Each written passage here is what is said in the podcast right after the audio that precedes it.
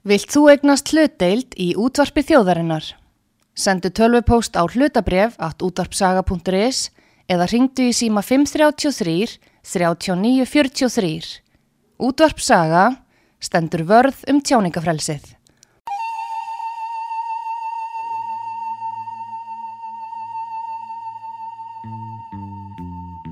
Símatími alla morgna með Pétri Gunnlaugssoni þar sem þjóðarsálinn lætur í sér heyra.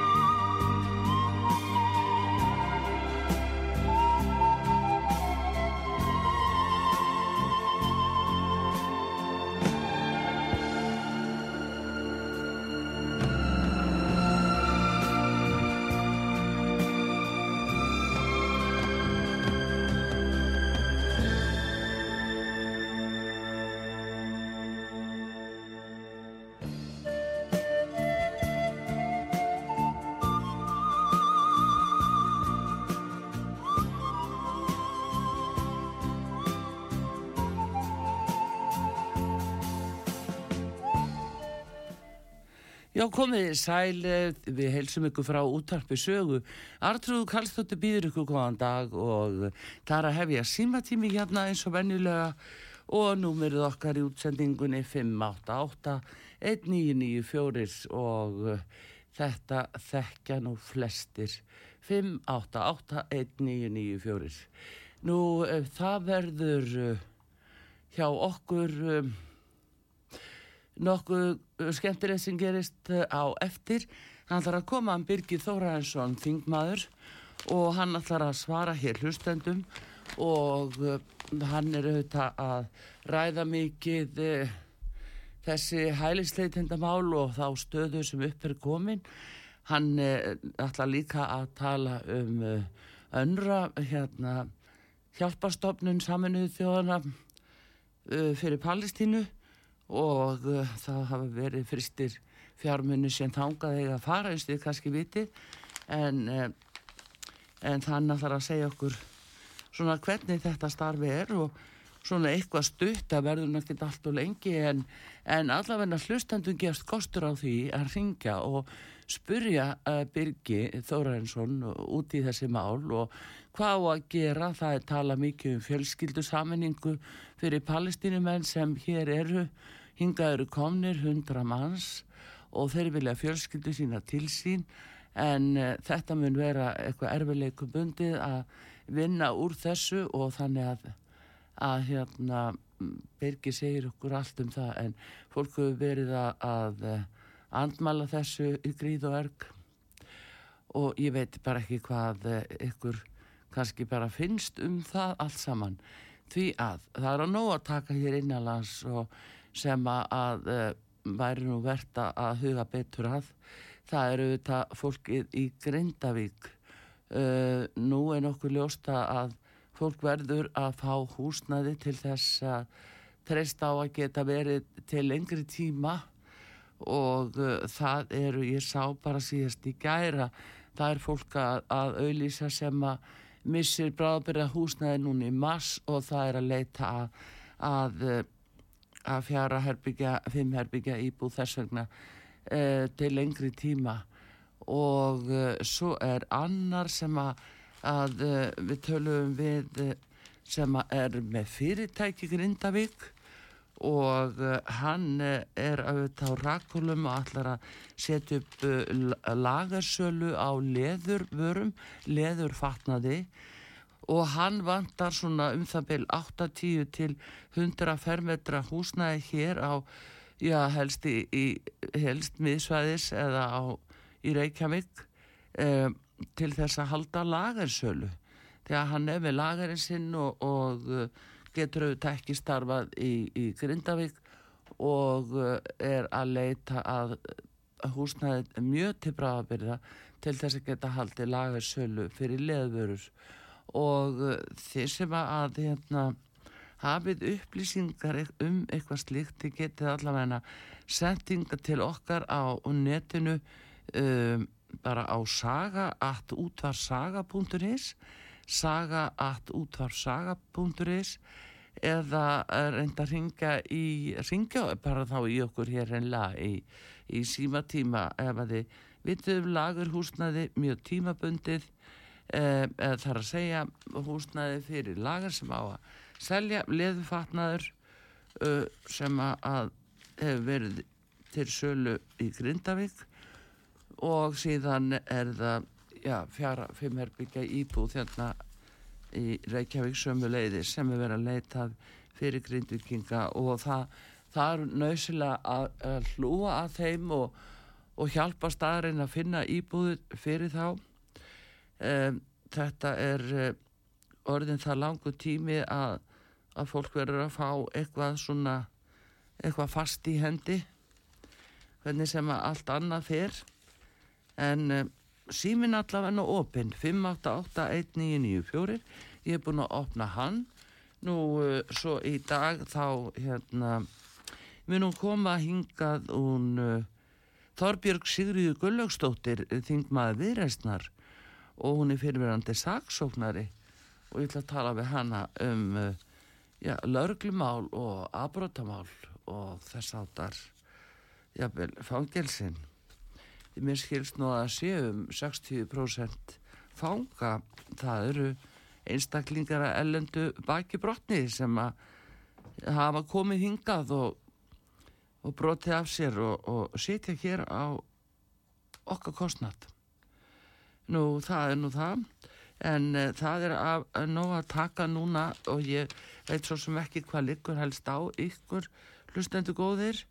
En uh, það er uh, það er allavegna ímislegt sem að að gengur á. Nú það eru kjaramálin og það, þið segja frá því hér í morgunblæðin í dag að grein eftir Ólaf E. Jóhansson hann segir að það sé já, ekki útlitt fyrir kjara samning á næstu dögum. Það er alveg svo skrítið, það er alveg harlæst. Eh, það er fjölmila bann. Ég held að, að, að ríkisáttarsemjari hefði ekki valdi þess að setja tjáringafrelsis bann á samningsaðila en, eh, en hann vil það, það er bara bóð og bönn, það er bönnin sem við eigum að aðalega horfa á núna.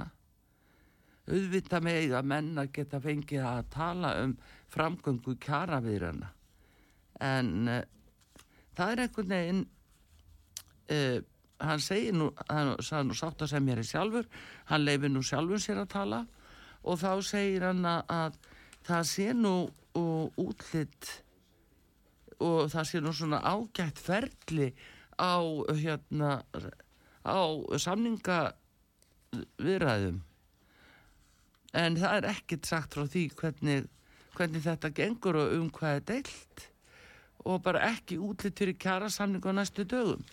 Og þannig að þetta kemur nú úr þessum ranni og menn gössala búin að já búin að sætta sig við það að það sé búin að loka á þau munnunum ég er svo aldrei sissa áður mér öðruvísi brá, ég vil nú að segja það. Uh, þá er það já, þá er það bara við ætlum að fara í ég, þessi hælisleitindamál hérna og við erum búin að fá hinga til okkar gest sem að, að kemur hér við hjá okkur inn í símatíma og ég endur tek það að að hlustendu geta ringtinn í útsendinguna svo venjulega í símatíma 5881994 og kom með spurninga fyrir Birgi Þóraensson alþingismann sjálfstæðarsflokksinn sem er hinga komin uh, Birgir hann býr í vógunum og stutt frá svona uh, já, góðsvæðum og, og, og jarðaringum allavega. Og hér sé ég líka sömulegis í morgunblæðin ég verði að segja það á þannig að að uh, það er tala við Guðrunu Hafsteinsdóttur, dósmálar á þeirra. Það er Herman Ökku Gunnarsson sem skrifa þá greinu og hans segir 20 miljardum varið í útlendingamál árið 2023. Þjónustafi hælisleitundur vegur þingst. Ég skal segja ykkur það. Og þetta er haft eitt dósmálar á þeirra. Þannig að segja svo að þetta kosti okkur ekki neitt og ég verð nú að mér að segja það að þannig er ekki allt talið þannig er sko aldilis ekki allt talið þetta er ekki smáraði og uh, hérna þannig að ég ætla nú að byrja á því að bjóða Birgir Þórarensson velkominninga til okkar í símatíma út af sögu góðan dag Birgir Já, góðan daginn. velkomin Já, takk fyrir kjærlega. Heyrðu, ég var að, aðeins að, að kynna þig og þetta mál hér áðan. Uh, nú er staðan sem sagt þessi að, uh, að við, uh, já, við verðum fyrir miklum þrýstingi að taka móti fjölskyldu þeirra palestínumanna sem eru komnir. Það er um hundra mann sem ég heirt sem hafa fengið myrkust í dalaleifi. En uh, hérna, uh, hva, hvernig lítur þetta út? Meina, er verið að- taka eftir því að eru færi einhver að reyna flytja inn fjölskyldur uh, palestínumanna sem þangað eru komnir? Ég meina, við erum svo lítil þjóð. Já, þetta er orðið bara mál málana á Íslandi í dag sínist mér, mótmæla á hverjum degi á Östurvelli fyrir framann alþingishúsið. Já, Fólk hætti að tala um Grindavík og Grindvíkinga og nú er nú margir Grindvíkingar bara mjög erfitt núna. það heldur betur. Og það er lítið verið að tala um það, finnst mér allavega minna heldur en, heldur en þetta mál. Já, Uh, stjórnvöld hafa verið að vinna í þessu máli og það er bara ránt sem að kemur fram í þessum mótmælum og, og ráþörum ekki vandaða kveðurnar að það sé ekkit verið að gera. Uh, útlendingastofnun er búin að samþykja það að, að hingað uh, komi fjölskyldur þá sem þeirra sem að búa hér á landi. Þetta eru, þetta eru held ég 128 einstakling- einstaklingar. Já, og uh, það er mjög flókið ferli. Já, og kostnaðasamt og, og erfitt. Og það er nú einu sinni þannig í þessu, þessari umræðu allir að, að það er bara verið að halda fram uppi hlutum sem standast enga veginn. Og meiri segja að alþingismenn hafa verið að segja hluti sem eru bara rángir og, og vitna bara ránglega í, í lögin og þessu er haldið áfram og fólk fyrir að trúa því að, að, að hérna, hlutinni segja, eiga að vera allt, með allt öðrum hætti. Það sem að hefur gerst í þessu er það að, að uh, stjórnvöld sendu uh, stjórnvöldum í Egiptalandi bref rétt fyrir jól. já, Það sem að var sem sagt, óskað eftir upplýsingum um það hvernig þetta fólk sem að hefur fengið samþygt, uh, samþygt dvalarleifi af fjölskyldu ástæðum já, í útlendingastofnun, hvernig uh, best væri að koma uh, að það kæmist heim til Íslands eða kæmist til Íslands til sinna ættingja. Uh, svarið bast mánuðu síðar. Egipta, það tók Egipta heilan mánuð að svara þessu. Það kom svar frá Egiptalandi núna bara held ég 2001 eða annan. Mm, og þar segja er það að, að það verði að uh, fæ, uppfæra listan með nöfnum einstaklingana það því að það er farið yfir hann. Uh, Egypt stjórnvöld fara yfir listan og Ísraela fara yfir listan.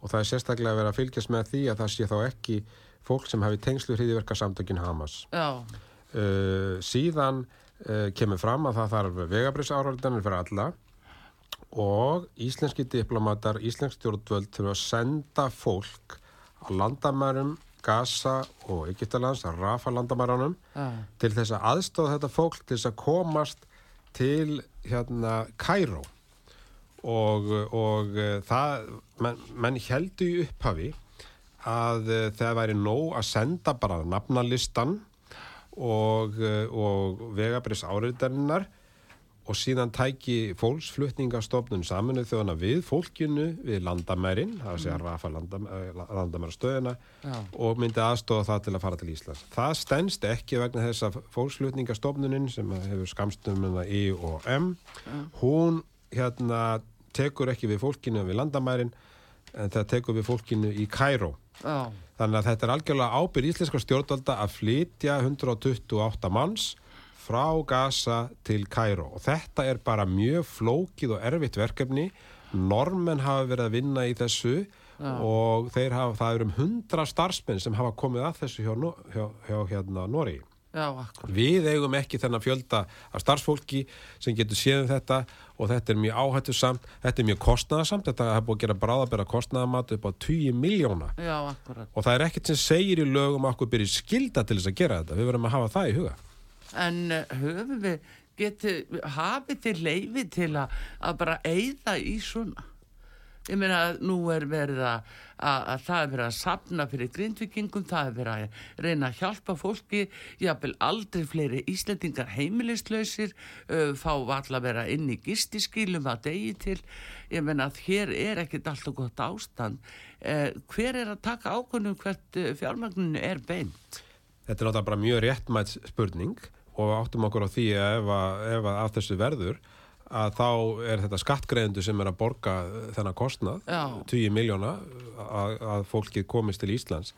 Þetta hefur ekki tíðkast, Ísland hefur ekki sótt einstaklinga eh, til svona í þessum fjölskyldu samenningum og það sem annað er að verður að hafa í huga í þessum máli er það ef að þetta er þið niðurstaðan að þá er búið að skapa fordæmi það er búið að skapa fordæmi sem að gera það að verkum að ef einhver hér á Íslandi segjum Afgani við fjölskyldu sammenningu frá Afganistan Já, móður sína eða sýstu sína eða eitthvað svo liðis já, að þá þarf Ísland að sækja fólki til Afganistan það, er, það, er, það verður jafnt að gangi yfir alla já.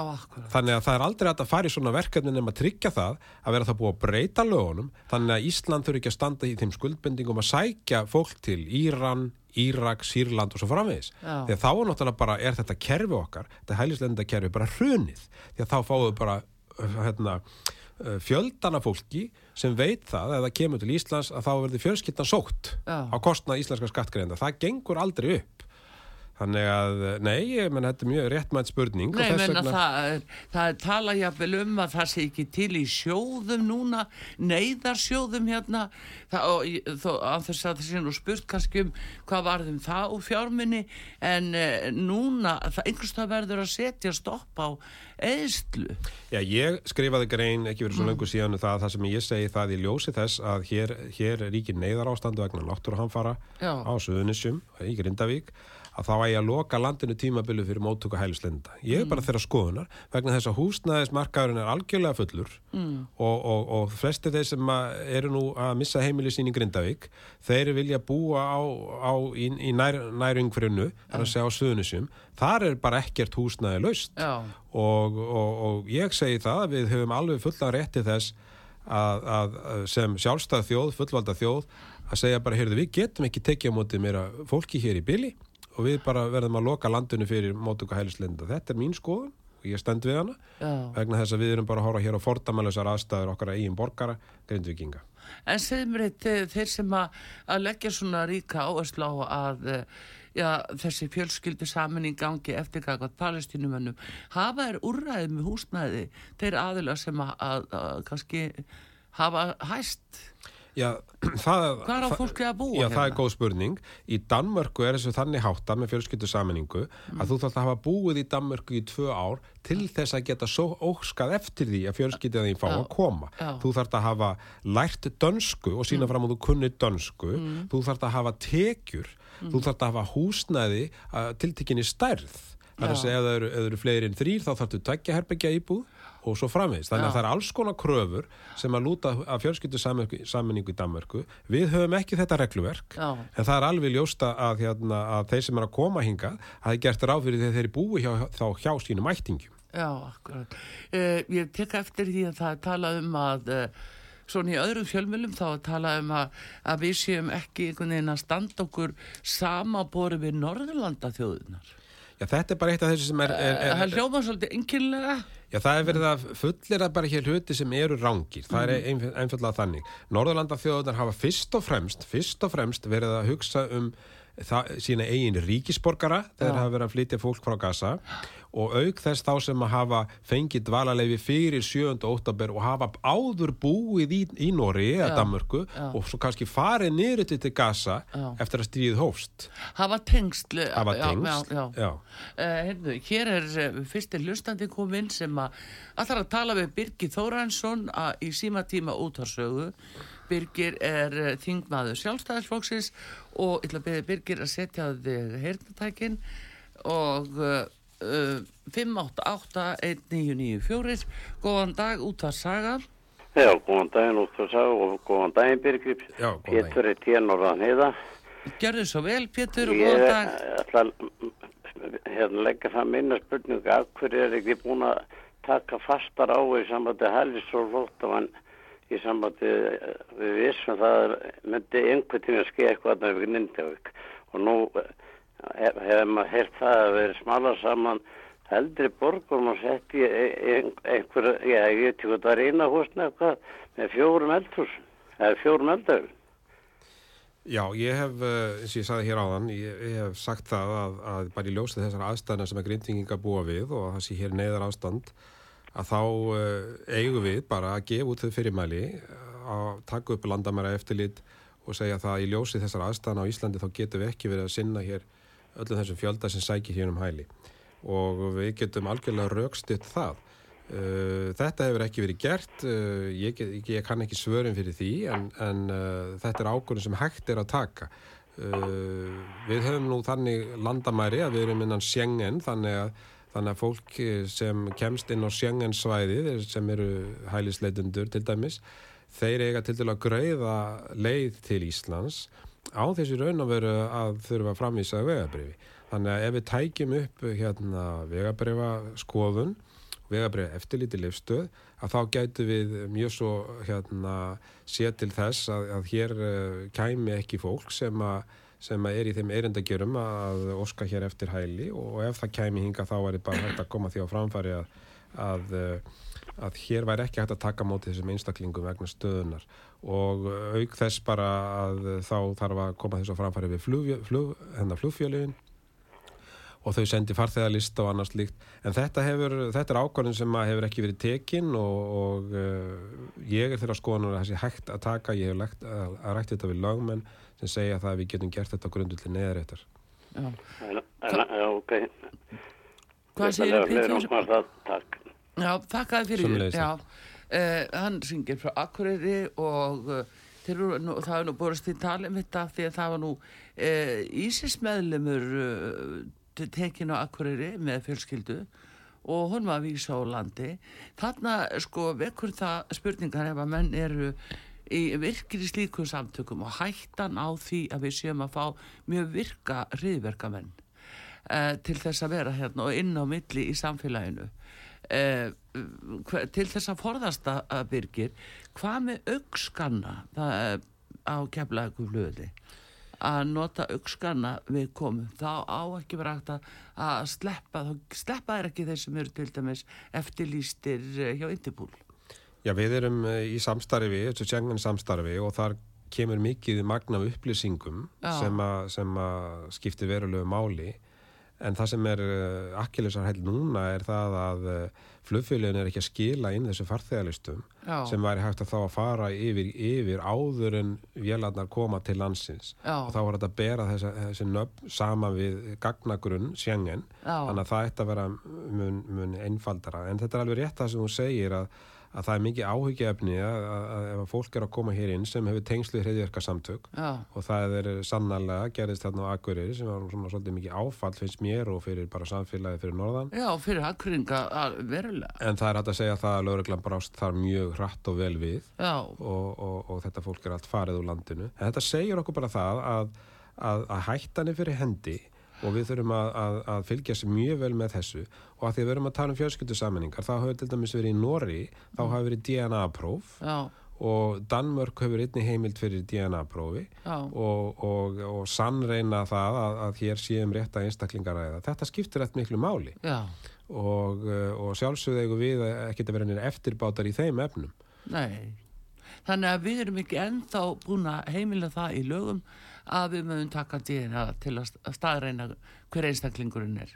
Nei, það verður ekki verið gert hér. Nei. En, uh, en ég... Það er eins líka með eru að koma með börningar að það er sagt, jú, þetta er e, fjölskylda með sjö börn til dæmis.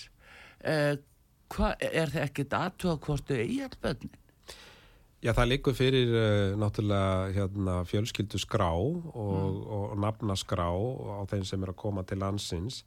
Uh, það eru fjölskyldunöfn sem fylgja í arabísku samfélagi, er þetta fjölskyldunöfn, eftirnöfn sem að fylgja fjölskyldunni og, og uh, það svona, er vísbendingum það að þetta sé eina fjölskyldan. Uh, Araba samfélagi er þannig að þeir leggja mjög mikla áherslu á þennan þáttinn Já, og bara sem dæmi ef að, ef að arabísk fjölskylda ættleiðir barn já, þá fær það barn ekki fjölskyldunafnið já, já, og, uh, og getur valdið því barni miklum erfileikum alla æfi Akkurat. því að þetta er mjög ríkt í þessum arabíska þessu arabíska samfélagi, þessi fjölskyldunöfn.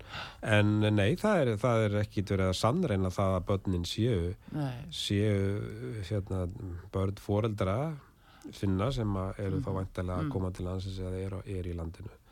Já, En bara kærti málsins er þessi bara að, að sko við verðum bara að hafa sama regluverkið og nágranna þjóðunar.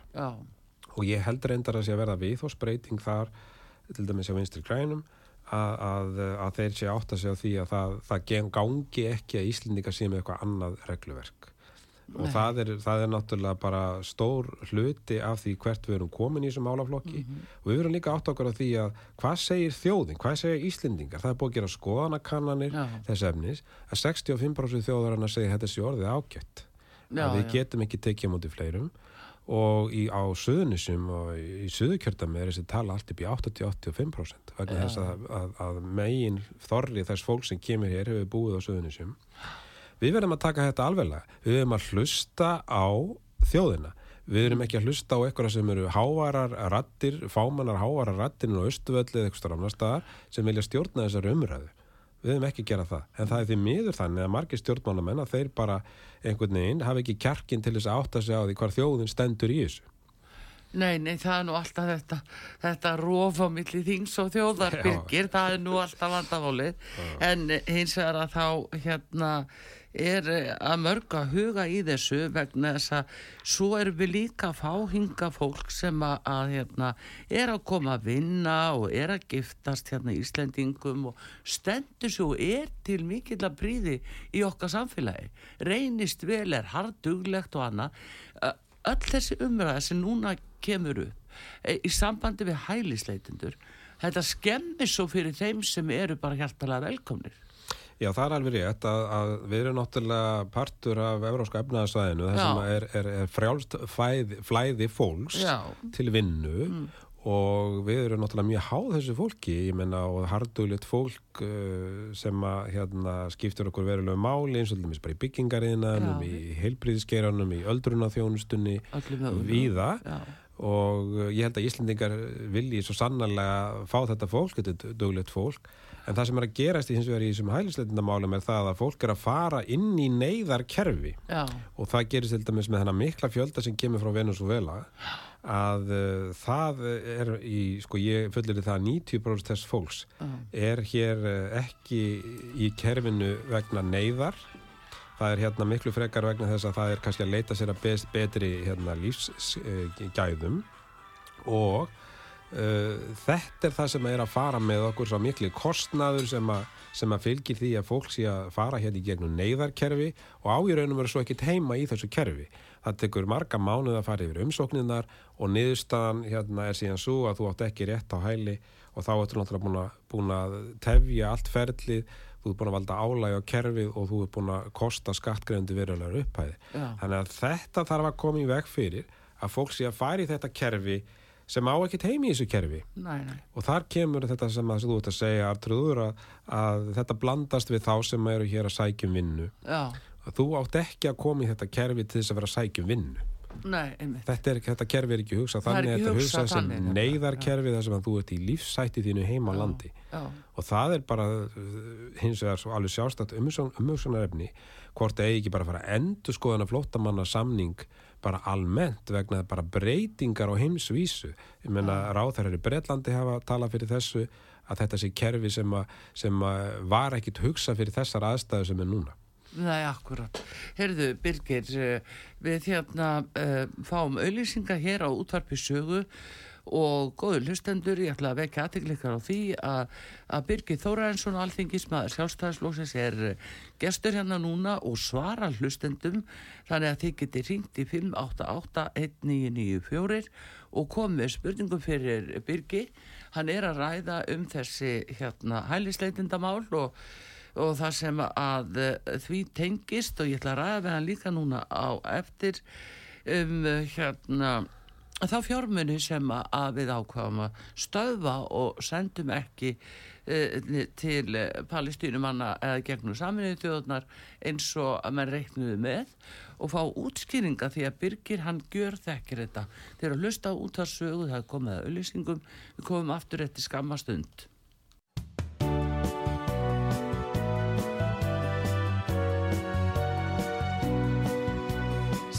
útvarpið á útvarpisögu í umsjón Arnþróðar Karlsdóttur.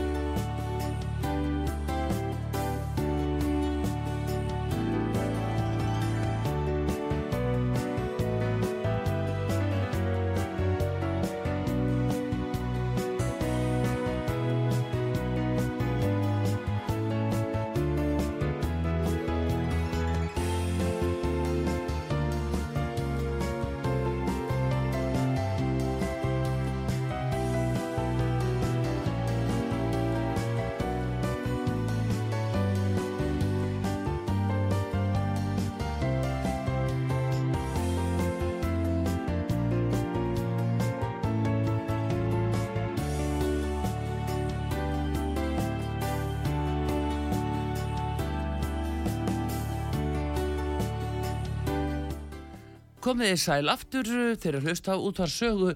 Símatímin hér, Artrúð Kallstóttir með ykkur og númerið útsendingunni 5881994. Hann er hér Birgir Þóraðinsson, alþingismadur. Hann eh, svarar hlustandum ef þið eru með spurningar núna til hans út af hælisleitundum og uh, þeirri stöðu sem kominir upp uh, varðandi fjölskyldusammenningar hjá palestínumönnum sem hafa verið að mótmæla núna á Östuvelli en uh, fáum fyrsta hlustanda sem kemur hérna í þessari umferð Góðan dag, útvarsaga Já, góðan dag. Góðan daginn Hver er þar? Herðu, ég heiti Sigurgeir. Sigurgeir, ertu með spurningu fyrir uh, Birgi Já, það er nú, sko það er varðandi fjárhastöðningi við flottamannahjálpina og greiðsluta þákað. Ég hlustaði á viðtal við, við hann að Gretu sem er skilst á, sem er sefumað þarna yfir flottamannahjálpinni. Já, Hún var á sprengisandi síðastlega sunnundag já, og, og hún sagði að það væri 30 starfsmenn sem að væru starfandi hjá þeim. Og, það, og þetta veri stór hlutin að þessu kennara til styrtu skóla. Já, og það veri 80%, 80 af greiðslunum sem væru laun. Og þá er spurningin er bara, er ekki verið ef ekki, ef, já ég fyrst og fremst vil langar að vita hvort ekkit eftirlit sé með því hvert þess að greiðslur fara, hvort það er sé ekki verið hvort að starfsmenn ha- hvort að hama sér bara ekki á launum hjá flóttamannahjálfinni þessi, þessi kennarar eða starfsmenn skólana hvort að þeir séu bara ekki eh, já, beint, komið bara beint frá Hamas. Hamas í stjórnvald þarna og það er náttúrulega hvort að ekkit eftirlit sé með þessu og sömul, hvað sé verið að kenna þarna er verið að kenna þarna bara kannski það vestas og márðaðan og svo úr korunum og, og síðan og síðan fer þetta fólk út og svo er það kannski flutt hingað börnin og, en, en fyrst og fremst hvort að Hamas er stjórnvald gasa og hvort að sé nokkuð leið að komast hjá því þegar greiðslunar eru í formi peninga og eðsláttúrulega með matinn sem að verið er að flytja þangað er að var ekki fluttu beitt til Hermann Hamas og fyrir lofti hvort skulum- hvort það sé ekki verið að fóra það bara Já, einmitt, þessu. Heyrðu, heyrum hvað Birgir segir, hann tekkir mjög vel Já. til. Já, blessaði Sigur Geir, þakka ekki alveg fyrir þessa hérna, góð og mikilvægu spurningu sem að hérna, er svo sannarlega áhyggjum efni, það er að segja ég þekki þessa stofnun ágætlega, ég starfaði þarna í tvö ár á sínu tíma og uh, hún er rekin fyrir uh, styrtafri af stórum hluta, þetta er stæðsta stofnun saminu þjóðana og eru fjölmörg lönd sem að hérna, leggja fjö í þessa stofnun, ég held að séum 64 lönd eða styrtaraðilar og Ísland er þar í, var síðast í viss í 34. sæti fyrir stuðning. En hlutfalslega eru við mjög uh, öflug þegar kemur að stuðningi með aðra þjóðir. Uh, það hefur verið haft orðað því að, að það sé og það hefur verið hennilega mótmælt að við séum búin að setja greiðslu sem nefnir 110 miljónum króna svona til hliðar vegna þess að við viljum fá svör við því hvað þessi peningar eiga að fara í. En það gleymist í þeirri umræðu að, að sko bara árunnu 200, 2023 þá greitum við þessari stofnum 423 miljónir og þar af núna síðustu áram og 225 miljónir. Þannig að mér finnst þetta algjör stormur í vasklasi hvernig komið hefur verið fram í fjölmjölum um það að, Ísland sé búin að bregðast hér algjörlega og svo framvið. Þetta er náttúrulega bara, bara staðhæfingar sem að, sem að standa, standa enga skoðum. En að því að þú spyr sérstaklega um það í hvað peningarnir fara að þá get ég sagt að til dæmis að þessar, þessar 110 miljónir sem, að, sem við höfum sett til hliðar það er átt að fara bara í, svo, svo, hérna, í bara almennan sjóð hjá önnra og það er raun og veru lagt í hendunar á önnra hvernig þeir eigða þeim peningum. Hvort að þeir eigða þeim í skrifstofukostnað hvort að þeir eigða þeim í, í hérna, aðra flótamenn uh, palestínu flótamenn í öðrum löndum. Það verður að hafa það í huga þessi stopnun hún er mjög stór, hún þjónar, þjónar rúmlega 5 miljónum palestínumanna í 5 löndum reykur heilbriðskerfi, mentakerfið og félagslega kerfið fyrir rúmlega 5 miljónir palestinumanna og þar á meðal 1,7 miljón meirinni megnir á Gaza. Þannig að þessi stofnun uh, reykur nánast allt skólakerfi og nánast allt heilbriðskerfi nýra á Gaza. Og auðvitað er hægt á því að, að, þessi starfsmenn sem eru þarna, þeir gerist brotlegir við hlutleysi stefnu stofnunarinnar. Og þegar ég var þarna þá skoða ég þessi mjög mál vel, ég gerði skýslu um hlutleysi stofnununa og það er mjög mikið um það að starfsmenn sé að brjóta hlutleysi stefnuna sérstaklega á samfélagsmiðlunum. Þeir eru að byrta hattusorðuræðu um gýðinga og, og, og fleira í þeim dúr. Uh, þú nefnir hérna séu gerir kennsluefni Það er alveg rétt, stofnun hefur verið gaggrind fyrir það að, að kennsluefni uh, feli í sér uh, gýðinga áróður og, og, hérna, og það er búið að sína fram á það. En ég verð þó að segja að þessari stofnun til tekna að það, það, hún hefur reynd að, að fylgjast vel með þessu, það eru farnar eftirlitsferðir í skólana, það, eru, það er farið fylgst með samfélagsmiðlunum Það er haldnir fyrirlestrar um hlutleysi stefnununa meðal starfsmanna en þetta er náttúrulega bara gríðalögu fjöldi, þetta eru 30.000 starfsmenn og uh, það er sko svo lítil mannabli til þess að reyna að fylgjast með þessu. En það er bara kemur á daginn núna eins og við höfum síðið fréttum að, að tól starfsmenn eru taldir hafa verið viðreinir þessi hriðiverk og ég verð að segja það eftir að hafa verið þarna og þekkja þetta að það kemur mér ekki á óvart. Þær fréttir koma mér ekki á óvart. Uh, hvernig hægt er að koma í veg fyrir þetta er uh, ekki einfalt mál en ég veit það að bandarækjumann hafa borga stöðugildi hérna gaggert til þess að fylgjast með því að hlutleysi stefninu sé framfyllt en auðvitað við Íslendingar að spyrja þessa spurninga og að því þú vittnar hann í hana Gretu sem hefur svona haft yfirumsjón með fjáröflun stofnunarinnar hjá saminu þjóðunum að þá er þessi stofnun náttúrulega mjög mikilvæg vegna þess að ef hún er til lög niður á morgun þá er þið náttúrulega bara, bara neyðar ástand á þessu svæði. Og það er náttúrulega þingri en tárum tekur Að, að þessi stofnun skulle vera að borga félagslega kerfi, mentakerfi, heilbríðiskerfinu á Gaza þegar að stjórnvöld þar, hriðjörgarsamtökin Hamas, eigða svo öllu sínum peningum í, í hérna, að byggja göng til þess að, til þess að undibúa árásur á Ísrael. Það er auðvitað fyrir því.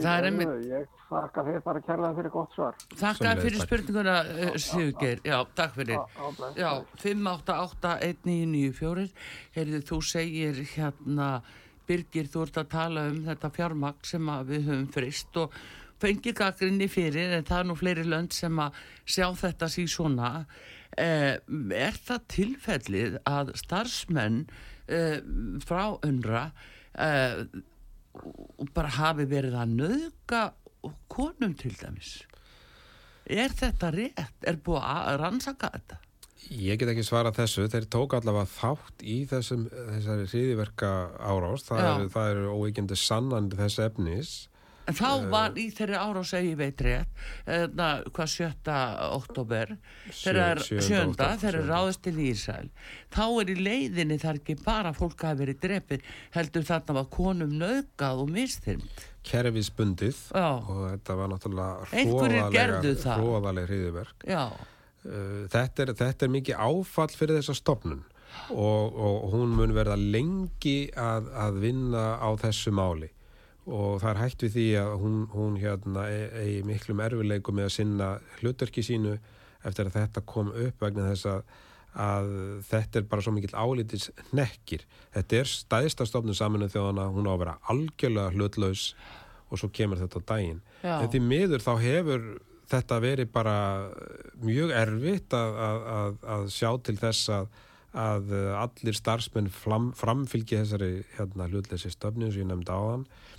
Ég, þegar ég skoðaði, var að gera þetta á sínum tíma að þá voru alveg fjölmörg tilfelli á samfélagsmiðlunum og þetta er nú sko 2015 já, það sem að starfsmenn voru, voru með mikinn áráður gegn gýðinga samfélaginu. Já, og hatursfull ummæli í gargiðinga en uh, þessi stofnun er búin að vera starfandi í 75 ár já, og, uh, og uh, hún er að sinna mjög mikilvægu hlutverki. Ég, ég dreg það ekkert í efa en það er hins vegar réttmætt krafa eins og til dæmis íslenskar stjórnvalda að fá svör við því í sko, hvernig á að taka á þessu máli því að þetta er óásættanlegt. Skakkgreðendur geta ekki verið að standa ströym hér að miljóna greiðslum til stofnunar sem getur ekki passað upp á hlutleysi stefnu sína. Það er alveg ljóst mál og, en við höfum líka í huga að þessar 110 miljónir þetta er nú ekki há uppæð í stóra samhenginu.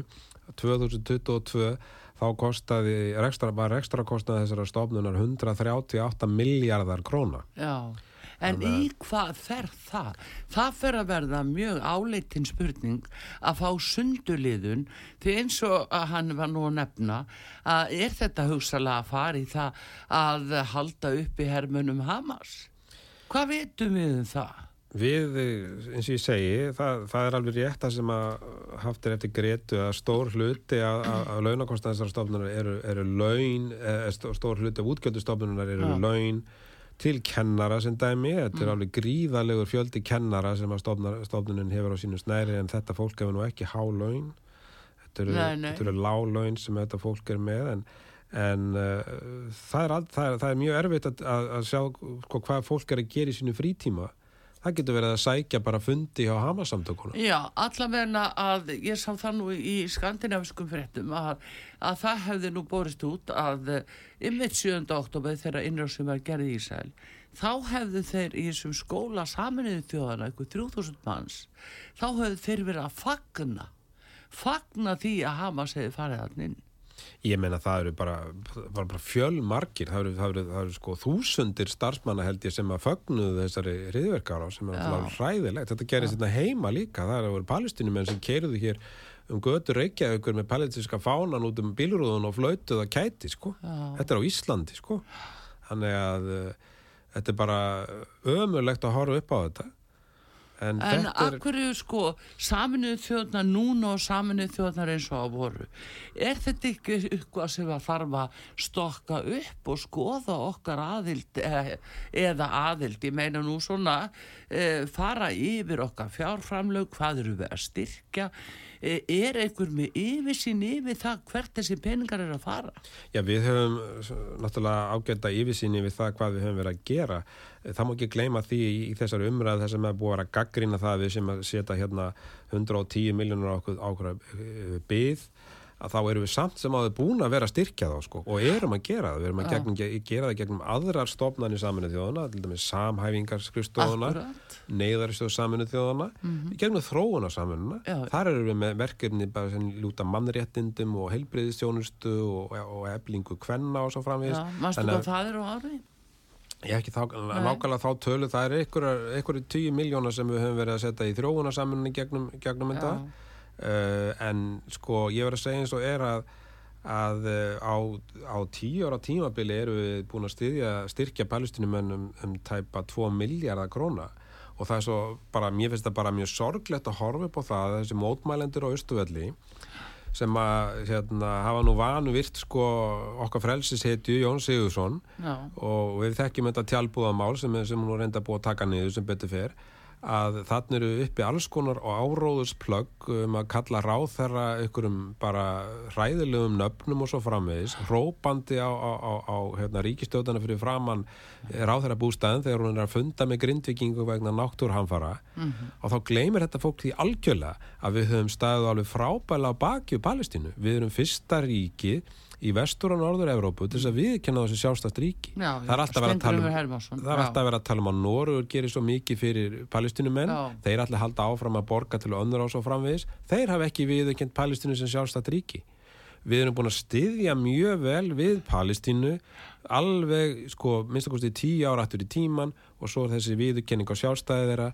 Uh, og svo höfum við bara þetta fólk mótmælandi hérna á Östuvelli uh, hrópandi ókvæðis orða ráðamennu þjóðarinnar og kallandi ráð þeirra barnamorðingi og svo framvegis, Já. þetta er bara ömulegt að horfa upp á þetta En Þetta er fólk- ekki, er ekki bakslag í Noregi vegna þessara greiðsna sem átt að fara núna? Er ekki bakslag hjá Noregi? Nóruver hefur allavega gefið þá út að, að- þeir allir ekki að, að, að, hérna, að stöða þessa greiðslur. Nóruver er mjög, mjög stór styrtaræðileg hérna, en gleymum því ekki að það eru náttúrulega þessar stóru ríki eins og Bandaríkin, Þískaland, fleiri ríki. Bretland, Frakland. Já. Þau ætla, vilja öll fá svör við því Já. áður en þau halda áfram að greiða þessar stofnunar í hvað eru peningarnir að fara. Já. Og það er bara sjálfsögð eðlileg krafa. Já, því það er náttúrulega líka núna, sko þú ert að telja nefnilega upp ymsa stofnarnir saminuð þjóðana og um, það er nú bara verið fróðlegt að sjá hversu mikið fjármagn er þetta ári sem við Íslendingar erum að borga og hver tekur við peningunum því þetta eru sjóðir hver, hver síðan deilir út úr sjóðunum það þarf að fara yfir þetta allt saman frá aðtilu vegna þess að þessi, þessar stofnanir og, og þau samtök sem við erum að styðja vitt og breyttum heiminn þetta fer allt inn í sjóði. Jafnvel, jafnvel hjálp okkar til Úkrænu hún fer til alþjóðabankans fyrst. Hún fer Ég- fyrst til alþjóðabankans og í sjóð þar og hvað svo? Já, það er alveg rétt þér að, að loftlagsmálin fer inn í sjóði rástefnarnir í Kabulum um daginn, líkum við að segja að þá var aðalmáli að stopna sjóð á degi eitt. Og menn voru svo hamingjusamir að því að þá voru búin að ná svo miklum árangri að því að þú voru að stopna sjóð. Hvað er um að vera? Hvernig er ykkur þingmönnum gerð grein fyrir því hvernig heildar styrkinir eru á ári og í þessu fjármagni og sem fara bara í sjóði? Hver útdeilir úr þessum sjóðum Já, þetta er alveg réttmændar spurningar uh, varðandi til dæmis þróuna samanuna þá er nú mjög gott eftirlit uh, á því í hvað þeir fjármunir fara. Og við höfum stöðvað greiðslur þegar að þær hafa verið sínt fram á það að það hafi verið spillingi við komum til landi eins og til dæmis þessar greiðslur sem við höfum verið að veita samstarfslöndum okkar í Afrí Afríku. Það er mjög gott eftirlit á þessu. Þegar það kemur á stofnunum eins og önnra að þá eru misjafar fjárveitingarnar. Þessi, þessi 110 miljónir koruna voru ætlaðar í, í bara almennan sjóð önnra sem því þarf að önnra getur rástað þessu sjálf. Akkurat. En við getum að sjálfsögðu spurt og eigum að spyrja spurningabítu í hvað ætlið að fara að setja peningana? Ætlið að setja þessa 110 miljónir króna í skrifstofukostnað? Já. ætlið að setja þetta í, fyrir palestinumenn í Jórdaníu það ætlið að fara með þessar peninganir á Gaza. Og ef það ætlið að fara með þessar peninganir á Gaza. Í hvað er það að fara þar? Já, akkurat. Þannig að það þarf að spyrja þessara spurninga og þeir svara þessu alveg eins og eru er stopnun eins og, eins og til dæmis hérna önra, hún er með svona ákveðin átök reglulega uh, sem nýtur allir með þess að heilbriðismálum mm. það var allir með þessi COVID-19 þá voru þeir með átök fjáröflunar í, til þess að mæta því þeir hafa verið með neyðarsjóð sérstakann fyrir sko, hérna, Líbanon og svo fyrir Gaza Já, já. þannig að svo óskaðir eftir að styrta aðeila sem eru ríkin að þeir taki þátt í því og greiði til dæmis inn í neyðarsjóð til Gaza og þá fer peningunir á Gaza þá Já. vitum við að hann er að fara nýr á Gaza en hvað hann á að fara í hvort hann er að fara í heilbriðstofnun eða hvort hann er að fara í laun kennara eða eitthvað svona. Akkurat, er, akkurat og líka það, svo kom alltaf fréttir af því að fólk sé að fara stór hungri, það, sé, það séu alltaf konur og börn, það er endalust sagt, konur og börn er að fara stór hungri, akkur fær það fólk ekki mat og peninga akkur skila, skila ekki peningarnir sér til þessa fólks við erum jafnvel að gefa í gegnum rauðakrossin í trösti þess að þetta fari til að styðja konur og börnir og gasa sem er að svelta En hver fylgist með því? Við höfum enga tryggingu fyrir því. Við verðum einfallega að treysta þessu starfsmönnum á stofnuninni að hún gefi uh, greina góðar hérna, lýsingar á því í hvað fjármönnunni fara en það eru til dæmis matar útlutanir, það er alveg rétt hjá þér en það hefur líka verið sínt fram á það núna í stríðinu að Hamas-samtökin hafa verið að stela matarsendingum sem, a, sem að hafa átt að fara til óbreytta borgara Akkurat. Já, það er nefnilega máli. Heyrðu, hér er hlustandi sem býður á línni. Eh, góðan dag, út að saga. Já, góðan daginn, Magnús heit ég. Sæll og blessa Magnús, gjör svo vel. Birgir Þórarinsson er hér. Já, já, takk fyrir góða umræðu og skil ykkur að vanda, Birgir. Hérna Takk fyrir eh, skal ég segja þér, en eða tvent svona sem ég langaði að þess að tæpa á, annars vegar sér maður það í morgunblöðin í morgun að, að hérna, dómsmálar þeirra hefur upplýsa blaðið vegna fyrirspurnar um að beinkostnaður vegna vegna hérna, flótamanna á Íslandi séu 20 miljardar síðast ári hérna meðan að hérna, annar á þeirri sem ríkistjórn segir að hans er 16 og verið að vera svipar á þessu ári. Hérna það verður alveg gustumsverk fyrir hérna mann á þínu kaliberi að, að að kalla eftir því að sé, sé hérna við fáum að vita almenningur sem að, að skaffa þessa peninga. Hérna hvað eh, til dæmis fá ríkisendur skoðun eitthvað til þess að hérna eh, gefa okkur upplýsingar um það hvað þetta er að kosta okkur í það heila. Svona gefur teik hérna 50 miljardar eða, eða 70 miljardar eða hvað þetta er á ári hverju eins og þetta er í dag. En, Já. en hérna, það, það er svona bara ábyrging sem að væri, hérna, væri hérna, margir ánæðar held ég að heyra ef að þessi fyrirspunn kemi á alþingi og, og, og er því fengi eitthvað svarið því hitt svona sem ég hérna ángan að eiginlega spyrja þig sem sérfræðingi í þessu. Ég var nú bara eiginlega sjálfur alveg orðlaust þegar að hérna maður heyrði allt í unum þessa, þessa geysilega stóru stærstu stopnum saminuði þjóðana með 30 eitthvað þúsund starfsmönnum. Og hérna mér er eiginlega bara spurning ég, ég er svo sem bara vissi ekki af þessu og ég er svo sem ekkert að þetta er ekkert áhuga maður mér hérna að fylgjast með svona lögð en, en hérna hvað í ósköpunum hérna er, er eitthvað samkomalag meðal, meðal eh, þjóða alheimsins að, að hérna, almenningur í öðrum löndum haldi upp í palestínu fólki um allan heim eða hvað, hvað um, út af hvað gengur þetta og hvað er 30.000 manns að gera hérna er þetta ekki eitthvað, þetta ekki eitthvað sem er komið úr öllum böndum eða hvað? Já, þetta hefur náttúrulega vaksið gríðarlega. Upphafi voru þetta 700.000 manns sem að voru á flóta um kringu 1948 og er í dag held ég 5,5 miljónir tæpar. Og uh, þessi stopnun var stopnud, uh, já, af ríkjum, aðaldaríkjum saminu þjóðana til þess að hafa hönd í bakka með uh, þetta fólk sem að þá var á vergangi og síðan hefur þetta náttúrulega bara vaksið óstjórnlega og uh, kostnæðurinn samkvæmt því.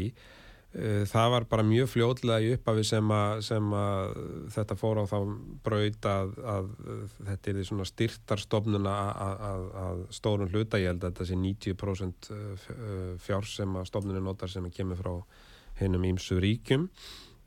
Uh, en það er líka það eru líka rattir þessi efnis að, að þessi stofnun hafi í raun og veru verið þrándur í götu að leysa þessa erfiðu deilu þarna verið botnið miðjarhafs og það eru rattir þess efnis að það eigi að leggja hana niður og hún eigi að, að hérna, þeir, að það þá tæki bara flóttamannastofnun saminu þjóðana sem eru önnur stofnun við verkefninu. En þú spyrð uh, sko hvað 30.000 manns er að gera. Það eru, það eru rúmlega 20.000 kennarar af þessum, þessum 30.000 uh, hérna, starfsmönnum. Uh, eins og ég sagði hér áðan, uh, stofnunum reku líka heilbriðiskerfi og, og erum með helsugjæslu stöðvar, með sjúkrahús, fæðingaþjónustu, þeir reka félagslegt kerfi, húsnæði, matargjafir. Þetta er eins og bara ein ríkistjórn, ef maður orða það þannig, að, að þetta tekur á svo mörgum þáttum bara samfélagsins og þessi, þessi, þetta fólk er orðið mjög háð þessari stofnun og þetta er líka stór vinnuveitandi, það er bara eins og þannig. En á sama tíma, að þá eins og nýra á gas, að þá hefur við að sjá það að, að Hamasamtökin sem ráða það ríkjum, hriðverkarsamtökin, að þau hafa ekki byggt einn einasta skóla, ekki eina einustu helbriðstofnun á sama tíma og, og ríki heims er að stiðja þá uh, í þeim efnum. Katar hefur til og með borgað nánast all, all sjúkurhós sem eru rekin af, af, af, hérna, af Hamasamtökunum. Þannig að þetta er orðin svona, þetta er orðin ákveðin, ákveðin vítarhingur en, en eftir að hafa starfa hjá þessari stofnun þá, þá veit ég hversu nöysileg hún er vegna þess að hún, eins og ég sagði aðan ef hún eru lögðið niður á morgun að það er því bara neyðar ástand, algjört neyðar ástand en á sama tíma er, sætur hún gaggrinni sérstaklega fyrir, fyrir hérna, þessa hlutleysi stefni að hafa ekki náðu uppfylla hana en svo hefur komað kostnæðinum eins og hún nefndir sem er komin hér heima í, í hvað var það hælisleitin 20 miljardar þetta er Þetta eru nýjustu tölur sem, a, sem að við vorum að fá að þetta veri komið upp í þessa uppæð. Þetta er náttúrulega gríðalega há uppæð. Það hefur verið þannig að beitkostnæður hefur verið talin í, í kringum, kringum 16 miljardar, 15 miljardar og svo hefur þennan óbeina kostnað sem er náttúrulega til dæmis bara heilbriðistjónustan sem er, er kostar töluvert mikið. En, en ég held að sé alveg að fullir að það að þessi uppæð sé komin í, í þetta og og það er bara, bara styrkir okkur í því að við þurfum að breyta þessari löggjöf þegar þess að það gengur ekki að Íslendingar hafi hér veikari löggjöf sem að, sem að gera það verkum að hinga sækir miklu fleira fólk heldur en, heldur en aðrir. Það er engin tilvölin fyrir því að hér kemur, koma markvælt freyli frá Venezuela eða komu markvælt freyli frá Venezuela heldur til Európuríkja og Norðurlanda vegna þess að þeir eru voru bóðinni sérstaklega velkomnir hingarð. Og, og, og, ef, ef, ef ég skil þetta svarnar guðrunar rétt þá er þetta sem sé 20 miljónar beinikostnaðurinn.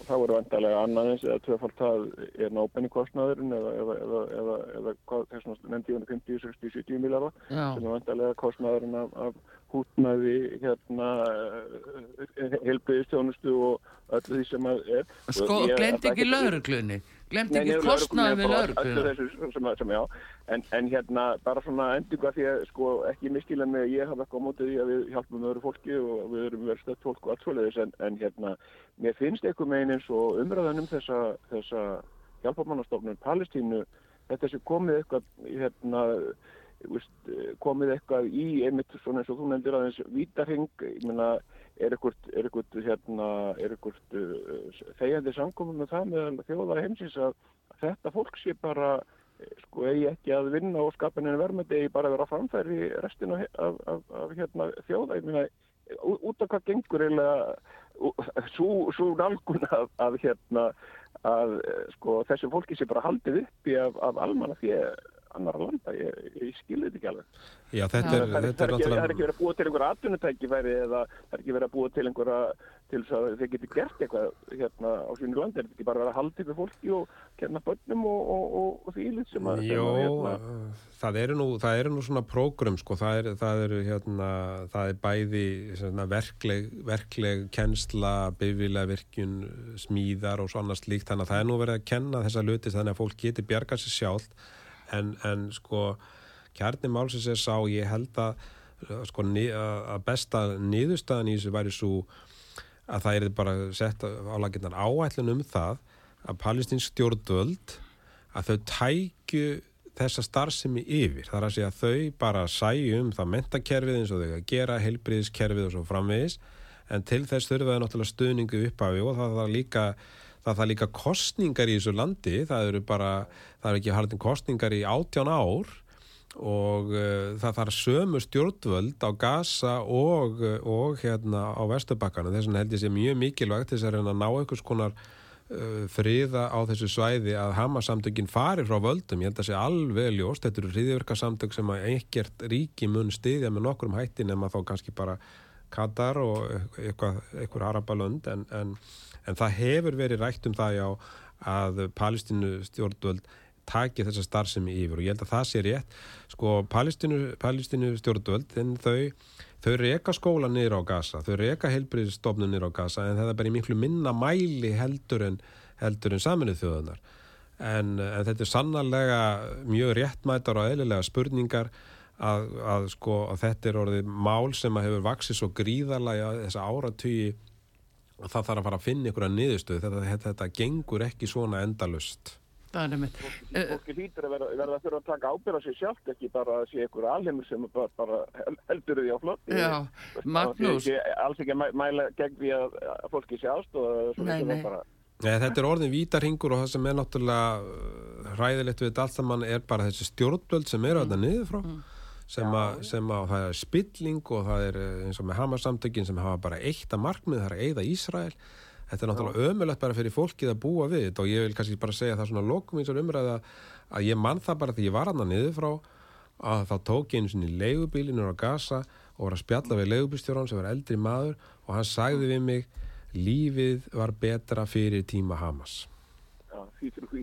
Já, heyrðu, en Magnús, takkaði kellaða fyrir þetta og... Umræðu og, gott- og, og, og hérna og, og þetta er að hafa byrkir oftar hjá þér. Mikið mikið hróðulegsmaður. Já, Takk- takk fyrir þetta var alveg nöysilegt að fá Takk fyrir. Birki. Takk að kellaða fyrir. En við, eh, hérna Birki, verðilega að byggja að stöðva, nei, stoppa aðeins lengra, lengur hjá okkur. Við þurfum að fá auðlýsingar en það er eh, örlítið meira sem ég hefði viljað fá og fram hjá þér og svo veit ég að þú ert að fara nefnilega úr landi. Þannig að hérna, uh, við skulum hafa hraðar hendur uh, fáum auðlýsingar og útvarpi sögu og uh, símin okkar hér í útsettingunni 5881994.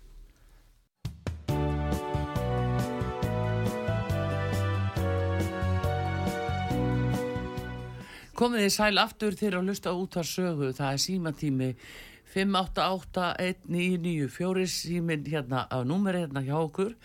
Það er aðeins öðruvísi sími, símatímin venjulega því að Birgir Þóraðinsson, þingmaður sjálfstæðarsflokksins, hann er gestur hérna og svarar hlustendum ymmit um hælisleitindamálin og þá stöðu sem er komin upp uh, uh, hjá okkur að að við erum að frista fjármagn sem að við að öðrum kosti höfum sendt eh, nánast blindandi segi ég nú eh, til eh, önra og eh, nú er komið eh, babb í bátinn. Menn er ekkit alveg á einu að það sé hægt að treysta því hvert þessi fjármunni fara. Og ég spyr um það í hvaða sjóði er, er, er allir þessir fjármunir að fara sem að við erum að senda úr landi? Og við höldum og erum í góðri trú höldum við sem að hjálpa fólki sem að, á ekki eins og mat handa sér. Og við erum að treysta því að fólk fái mat en það er engin trygging fyrir því þannig að það er svona að mínum hati vafa samt að Íslandingar geti bara látið af hendi blindandi nánast fjármunni eh, til eh, þessa samtaka án þess að það sé tryggt hvert eh, peningandi fara. En Birgir, þetta er nú bara svona vangaveltur um það að það sé að fara bara mikið úr ríkisjóði, svona að gömlum vana, svona blindandi skiluru til hjálparstarfs sem eru auðvitað falli hugsun. En hverjir sæta lægi og hyrða það bara og skila sér ekki? Og þetta er það sem maður rættastu við núna og ekkit bara við hér heldur. Uh, fjölmarkir aðrir miljóna þjóðir eru það líka. Og ég ætla að vekja aðtekli þína eins og einu. Sem þú jafnvel ert nú alveg með á hreinu. Sko uh, önra segir á heimasíðu sinni að þeir palestínu arapar sem mistu heimili sín 1948 fyrir 75 árum séu flótamenn sem og afkomundur Karlkins flóttamanna frá 1948 og löglega ætlaut börn þeirra. Skopa þetta bara til kalla. Þarf ekki að endur skoða þetta? Já, þessi stofnun hefur náttúrulega bara vaksið ár frá ári. Já. Það er það sem að menn hafa verið að gaggrína að, að hérna, skuli ekki hafa fundist einhver leið til þess að, að uh, hjálpa fólkinu að hjálpa sér sjálf. Já, En uh, það verður líka að hafa það í huga að, uh, að það sem að hefur bæst á vanda palestinumanna eins og ég sagði hérna áðan er bara stjórnkerfið þar heima fyrir já, og það ósætti sem hefur ríkt á milli hérna, Gaza og Vestubakkans já, og stjórnvalda þar. Þetta bætist ofan á allt annað. Og uh, maður verður að segja eins og er að að uh, blessa fólki að þurfa þó að uh, horfa upp á það að, að, hérna, að geta aldrei fengið stjórnvöld sem að hafa sannarlega sko bara áhuga á því að bæta hérna, lífskilirði og, og, og, og lífsgæði þessa fólk á svæðinu. Já. þegar við höfum þessi hriðverkasamtök sem hafa bara eitt að markmiði að bara eigða Ísrael. Já, og, og þess vegna er afar mikilvægt að, að hafa hérna kostningar og uh, fá bara líðræðslega kjörin stjórnvöld og finna síðan leiðir til þess að, að þessi stofnun smá saman, hún bara hérna uh, færist yfir til palestinum manna sjálfa, já, já. stjórnvalda sjálfa og, þessu er- verði eitthvað breytt því að sjáðum sem ég er að segja við þið af Ísjá 75 ára gömlu plaggi að þá er við þónu bara þetta, þetta er bara til kallmanna og við veitum alveg um framkonum við konur en það er ekki til dæmis íslenska konur, ég segi nú stundum að við bara búum við luxusvandamál hér á Íslandi, hér er bara reyfist út á stöðuveitingum en, en hitt er hann að mála að sko það heyrist ekkert á íslenskum konum varðandi stöðuna stöðu kvenna á, hjá palestinumennum staða kvenna er verri innir á Gaza heldur en á Vesturbakkanum. Akkurat, og, uh, og hérna, það er svona meiri harlína þar. Já, og uh, þú sér þar konur sko sem eru alveg huldar frá toppi til táar. Og uh, þetta er náttúrulega eitthvað sem er mjög framandi fyrir okkur og, og er umhugssögna efni sko þegar við komum hér heim já, að uh, ef að það, fólk viðheldur sínum hefðum og siðum já. sem að, sem að hérna, það hefur í heimalandinu að þá aðlaðast enga megin því íslensku samfélagi. Akkúrat. nei, nei, og ég hef heyrt konur það bara læstar inni þess vegna. Já, já, ég hef heyrt uh, dæmi þess að, að þeir sem að hafa þau völd að geta predikað yfir fólki hér, palestínumönnum að þeir Já. hafa lagt áherslu á það að, að konur ætti að geta verið að fara í sund. Ég meina Nei, við erum á Íslandi sko. Og uh, þannig að sko það er hægt á því að hvað með Að- börnin sem að fara í skólasund Já, meina, já, já, það er hægt á því að er því bakslag hér í jafnbrettis uh, hérna, málum á Íslandi ef, að- ef að þessi hlutir fá að viðgangast. já, en er þetta ekki nú þegar bara að taka niður? Það er allavega farið hljókt en maður hefur verið eins og var frétt, frétt af þessu. En uh, ef við kannski bara koma aftur að, að stöðunni hjá önra þá hérna þá eh, sko hefur þessi stofnun uh, svona lagt sér fram um það að, að koma því skilmerkilega á færi, framfæri í hvað peningandi fara. Þegar ég var til með þetta niður frá þá komu bandarækja með reglulega með sérstakka sendinemt og fylgdust nákvæmlega með því hvaði peningandi fóru. Já, heyrðu við skulum hérna að það er hlustandi sem býður og býður uh, góðan dag út að saga, gjör svo vel Góðan daginn, þetta er Anna, Sæl, Birgir og Artrúður. sæl og blessin, Já, gjör góðan svo vel. Góðan daginn, já, þú segir að það var bandaríki sem kom og fylgdi sérstaklega vel með. Já, þeir hafa komið og, og, og fylgst með því hvað hva peningarnir er að fara í, já. Já, og hverjir eru þeir svo ef þú fer dýbra í máli? Þetta eru starfsmenn sem að koma þá held ég frá hérna, hvort það eru utarikisræðunandi bandaríkjana eða, eða ég man ekki nákvæmlega hvernig það var en, en þeir Já, kom, já. koma til þess að fylgjast með því hvað peningarnir færu í og þá stofnunin gefur líka út hérna, áskíslu það sem, að, sem eru enda mjög góðar skýslur það sem hún fer nákvæmlega yfir starfsemina á árinu og, og, hérna, og fjárveitingar og annað slíkt þannig að, þannig að þeir já, leggja sig fram þú getur ekki, svo horfum að dýbra og hvað fólk það er og, Mm. og hvað, hvað þau eru að leggja fram. mm. Þa, það er svolítið sem að heiti blekking. Já, þetta Ég er, hef hafað mjög djúpt í þessi mál og ég Já. veit mikið sannleikan þarna um þetta allt saman. já, einmitt. Og þetta fengist líka inn í biblíun og þú varst nú kristin maður, er það ekki? Já, já, jú, jú. Hann er guðfræðingur, jú. Já, já. Já, já. Eh, Við ættum svolítið að fara að skoða það. Já, eh, sko, Já, Eh. og, og hérna, svo vil ég benda það að þú ert að tala um, un, eða þið er að tala um UNRA já, sem að við sendum alla peninga frá Íslandi. mhm, En í síðustu viku, ég skráði það bara ekki niður, þá kom það fram á öðrum stað að við erum að greiða í fjóra sjóði á Íslandi fyrir þetta fólk. Og ég bæti við fyrsta sjónum og það er ESB því við sendum peninga þangað og það er að senda þau eins og þessu ægilega góð peninga frá sér til þeirra. Þannig að við erum að borga hér úr fimm sjóðum já, sko, ég sagði þetta Já, og einmitt þetta í gengur upp. Ég Ég sagði, gef þetta einmitt, undavíki vandræðin þá að loka landamærunum og hætta svona vittlisgangi ef ég fer að stjórna og, og skila fólki heim og tæma húsin fyrir grindvikinga.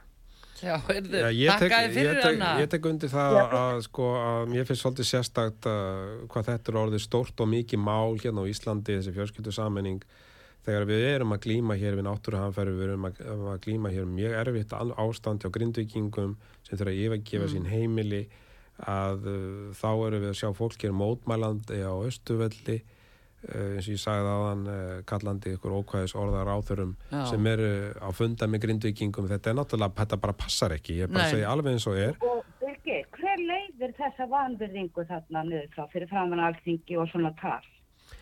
Það er náttúrulega öllum frjálsta mótmæla en ég gaggrindi það nú mjög harlega þegar að þetta tjald var nú sett upp á þessi tjaldbúð og hvernig menn voru að, að, að mínum að að vanvirða Jón Sigursson, styttuna Jóni. Sigurssoni og það hefði átt að taka það fastar í tökum, ég get algjörlega tekið undir það með þér. Já, þetta Eh. er borgarstjórnin sem leiðir þetta og að- hvað vakir þá fyrir borgarstjórnin að leifa svona vanvirðingu? Svo má líka horfa það, viljum við svona fólk hér inn í landið? Já, ég segi allavega fyrir mitt leiti, mér finnst þetta bara mikil vombriði hvað, eh, hvernig þessi mótmæli hafa verið haldinn þegar að, það lítur út fyrir það að, að við séum ekki að gera nokkuð skapaðan hlut fyrir palestinumenn og við séum bara að, leggja stein í götu þeirra á sama tíma við erum búin að standa mjög vel við bakið á þessu fólki í ára ræðis. En Hvað er, þakklæ- hvað er Það- þakklæti? Já, það mér finnst vant að þakklæti, ég bara tek alveg undir það með þér. Já, mér finnst að það er að vera þannig, en mér finnst þetta frá minni hendi. Ég er bara að horfa á eitthvað sem það er að ala upp. Því að, því að ef það er ekki uppeldi og ekki kent þakklæti, þá kemur frekjan. Já, En ég vildi bara benda þetta að við erum að greiða hér úr fjórum fimm sjóðum. Já, og svo vildi ég líka spurja, fólki sem við tökum að okkur hér á Íslandi, er það ekki látið endur greiða svo allt tilbaka sem að við höfum kefið þeim af fjármagni og stuðningi? Ef svo gert er við Íslendinga sem að verða veikir og sjúkir í samfélaginu okkar og lenda í örorku, þeir eru látið endur greiða ríkinu allt tilbaka. Þannig að hælisleitundur eiga sjálfsögða að endur greiða allt í kassan aftur er það ekki. Já, þeir eru minnst ekki að gera það, ég held að það sé alveg ljóst. Ákveð er svona sitt hverja reglum með eigundu landsins og, og, og, og, og hvern land út í heimi? Hver stendur fyrir því? Svona óréttlæti á okkur. Við höfum tekist þetta undir þessa skuldbindningar í gegnum uh, flóttamannasamning saminuð þjóðana. Já, við erum og- Ísland, við erum liðið sjálfstæðs þjóð. Já, já, við erum það og ég hef til með sagt það Já. núna í þessum aðstæðum sem við erum með núna, þá getum við alveg tekið ákvörðinu það að bara hætta að taka mútið hælisleitinu tímabundi vegna þess að Það hér er þetta, bara aðstæðum með þeim hætti. Já, ég tek bara undir það að þetta er eitthvað sem við getum alveg gert og, og eigum svo sannarlega að skoða í þessum aðstæðum sem við erum með núna. Ég menna það er verið að tala um það að það getur bara gósið að hverju stundu aftur í Grindavík og ef maður setur sér í spór þessa fólk sem að býr í Grindavík að þá er þetta bara mjög erfitt fyrir fólk að þurfa að yfirgeða heimili sitt og ég held að maður sjálfur ef maður stæði frammi fyrir þessu þá væri maður nú ákvæðlega dapur yfir því. já, bara heilt bæjafélag. Anna Já, minn, þú- þakkaði fyrir þetta kjalla. Ég er svo sammálaðir, ég er sár fyrir hans þeirra Já, og ég er mjög ósátt hvernig komið hefur verið fram við grindvikinga. já, þakkaði fyrir. Og Takk fyrir, Anna. takk fyrir Já, Sömulegis, takk, takk, takk, takk. Já, þú er hún segir líka þarna, Birgir, það er verið að borga í gegnum fjóra, fimm sjóði og meðal annars í gegnum E ESB. ESB er að láta peningarn inn. Það ber, belinist því sleið upp í fréttum að ESB sé að borga en ekki við og ekki Frakland og ekki Bandaríkinskilu við vondukallanir en eh, ESB, en við erum meðal annars að borga ESB út af þessu og fleiri sjóðir að hverju fyrir fyrirgeðu, þetta er stopnað fyrir mörgum árum þetta, þetta er ákveð munstur. Þetta eru bara sjóðir og þá spurning hverju komast í sjóðina hverju komast með sína menn til að stjórna þeim og hvert fara penningarnir við höfum enga tryggingu fyrir þessu sko, ég verð nú að segja það að uh, við höfum verið að fylgjast með þessu mjög vel. Við höfum líka mm. verið að senda starfsmenn til öndra, íslenska mm. starfsmenn. Við höfum sendt heilbriðsfólk, við höfum sendt sérfræðinga og við höfum að greiða þeim laun Já. og það er partur af þessum stuðningi. Gott og vel. Þannig að þá vitum við sannarlega hvað peningandi færi í. Og ég hef sagt það og þegar ég laukata störfum þá skila ég skýsleitu löðarkistaránöðsins mm. sem að spurður að því hvað mætti betur fara og svo framvegis. Og þá sagði ég að mesta þörfin væri fyrir helbriðstarfsfólk mm -hmm. og, og við ættum að, að, að horfa til þess að reyna að senda fleiri helbriðstarfsmenn mm og ég veit ekki hvort að það hefur verið gert en, en það er bara góð leið til að vita nákvæmlega hvað peningandi fara í. Já. og ég veit til dæmis að, að sko að Japan hefur verið að senda mikið af matvælum eins og rísgrjónum svo dæmi. Og, og, og hérna þannig að þeir vilja sjá til þess að, að, að þeir fari þangað sem að, sem að þurfa sannlega á því að halda. Mm. þannig að það er ímsar leiðir til að gera þetta En, en sko það er, það er allir þessi sjóðir og það er til dæmis uh, það er nýjasta sem við sjáum og höfum verið að sjá og síðustu áratugum, það er meira ábyrgandi núna heldur en var, kom upp mjög alvarlegt slíkt mál hér á Íslandi fyrir uh, einu þremur áratugum og uh, hérna að þá eru menn að sækja um styrki úr sjóðum og það er verið að sækja inn heitir nýsköpun og sjóð og nýsköpun og nýsköpun alls konar sjóði það er engin trygging fyrir því heldur hvar á bakvið þá kennitölu sem að færu þeim sjóði. Það má alveg líka segja það að til dæmis með COVID-útlutunina hefur einhver séð þar kennitölu sem fengur styrki COVID-styrki? Við hefum ekki hugmyndum það það er bara sagt að ríkisjóðu varða að brenda pening út af þessu. En að, að þú fáur að vita hvaða kennitölur og hvort að það er yfir höfu starfa skilur ég er ekki að segja svo hafi verið en hættan býður er til staðar. Og, og það, við sjáum það annar staðar og, og í öðrum málum og, og bara alvarlegu máli sem hafa komið pér á landi og hvað þá elendis sem eru nákvæmlega undir merkinu sjóðir og svo sækir einhverjum úr sjóði og engi fylgist með því. En svo bara núna byrgir sjáðu nýsköpun og sjóð í dag eh, er búið að sína fram á einhvern árangur.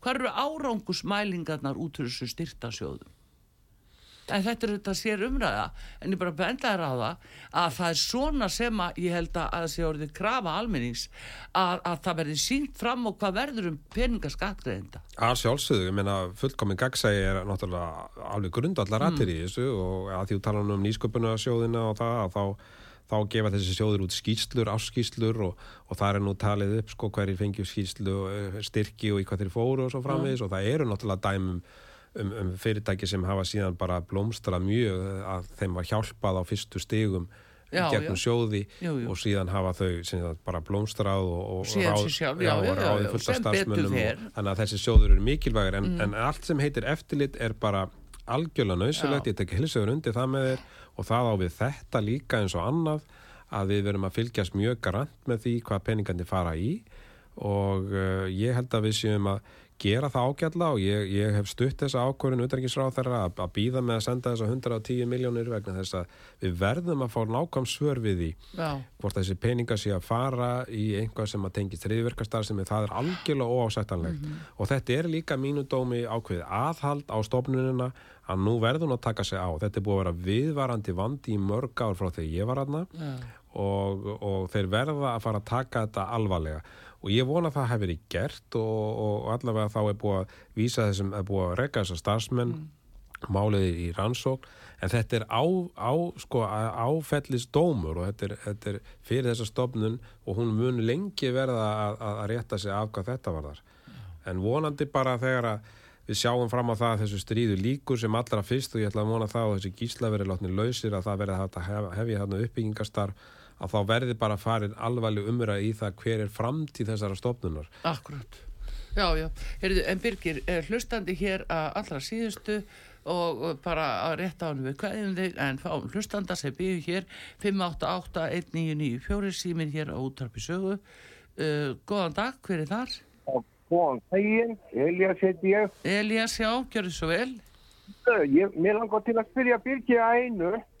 Getur hann sagt mér hvaða atvinnivegur hafi verið stundar á gasa síðustliðin áratug? Uh, já, það uh, get ég sagt þér. Þeir uh, stöður stundan nú svona smá fiskveðar og, og hérna það var, það voru opni veitingastæðir á Gaza. Ég fór einn svona veitingastæð á Gaza og borðaði mjög góðan fisk sem að þeir veitu, sjö- sem þeir veitu sjálfur. Það er En- að finna fisk og, og selja mat. Já, og það hefur verið náttúrulega, það var mjög mikil jarðaberja ræktun á Gaza á sínum tíma og þeir voru uh, mjög stórir í því og þekktir. Það hefur nú dreig, dreigið úr því, síðan hefur verið svona húsgagna yðnaður og svo eru hérna veksmiðjur, ég menna, ég man til dæmis eftir því að, verið að gera einn sem okkur líð, líst ekki á hérna á vestölu, þú veist hvað það er. já, Þeir hafa verið að grafa göngu fyrir skærulíðana í, í mörg mörg ár. já, það er náttúrulega, það er náttúrulega alveg ótrúlegt mál og, og núna hefur það komið í ljós í þessu stríði, hversu, hversu hérna, hversu viða mikil sögöng hafa verið og, og þetta er uh, bara, Það eru ríðverkamenn. já, já, þetta eru hriðiverka menn, þetta eru hriðiverka samtök sem, sem ráða þarna ríkjum. Þeir hafa ve- verið að vinna þrennu síðan 20-30 ár. Þa, það er að fiskveðar eh, og, og, og, og, og hérna mattsölustafir og, og, og undirbúa göng. Þa, það hefur verið aðalandri hjá þeim. Já, þetta er mjög sorglegt, ég bara segi alveg eins og uh, 50.000 konur sem eru óléttar á skaffasvæðin. 50.000. Já, það er, uh, það, það er nú í þessum heimi að þá uh, eru þetta barn marga fjölskyldur, við þekkjum það alveg.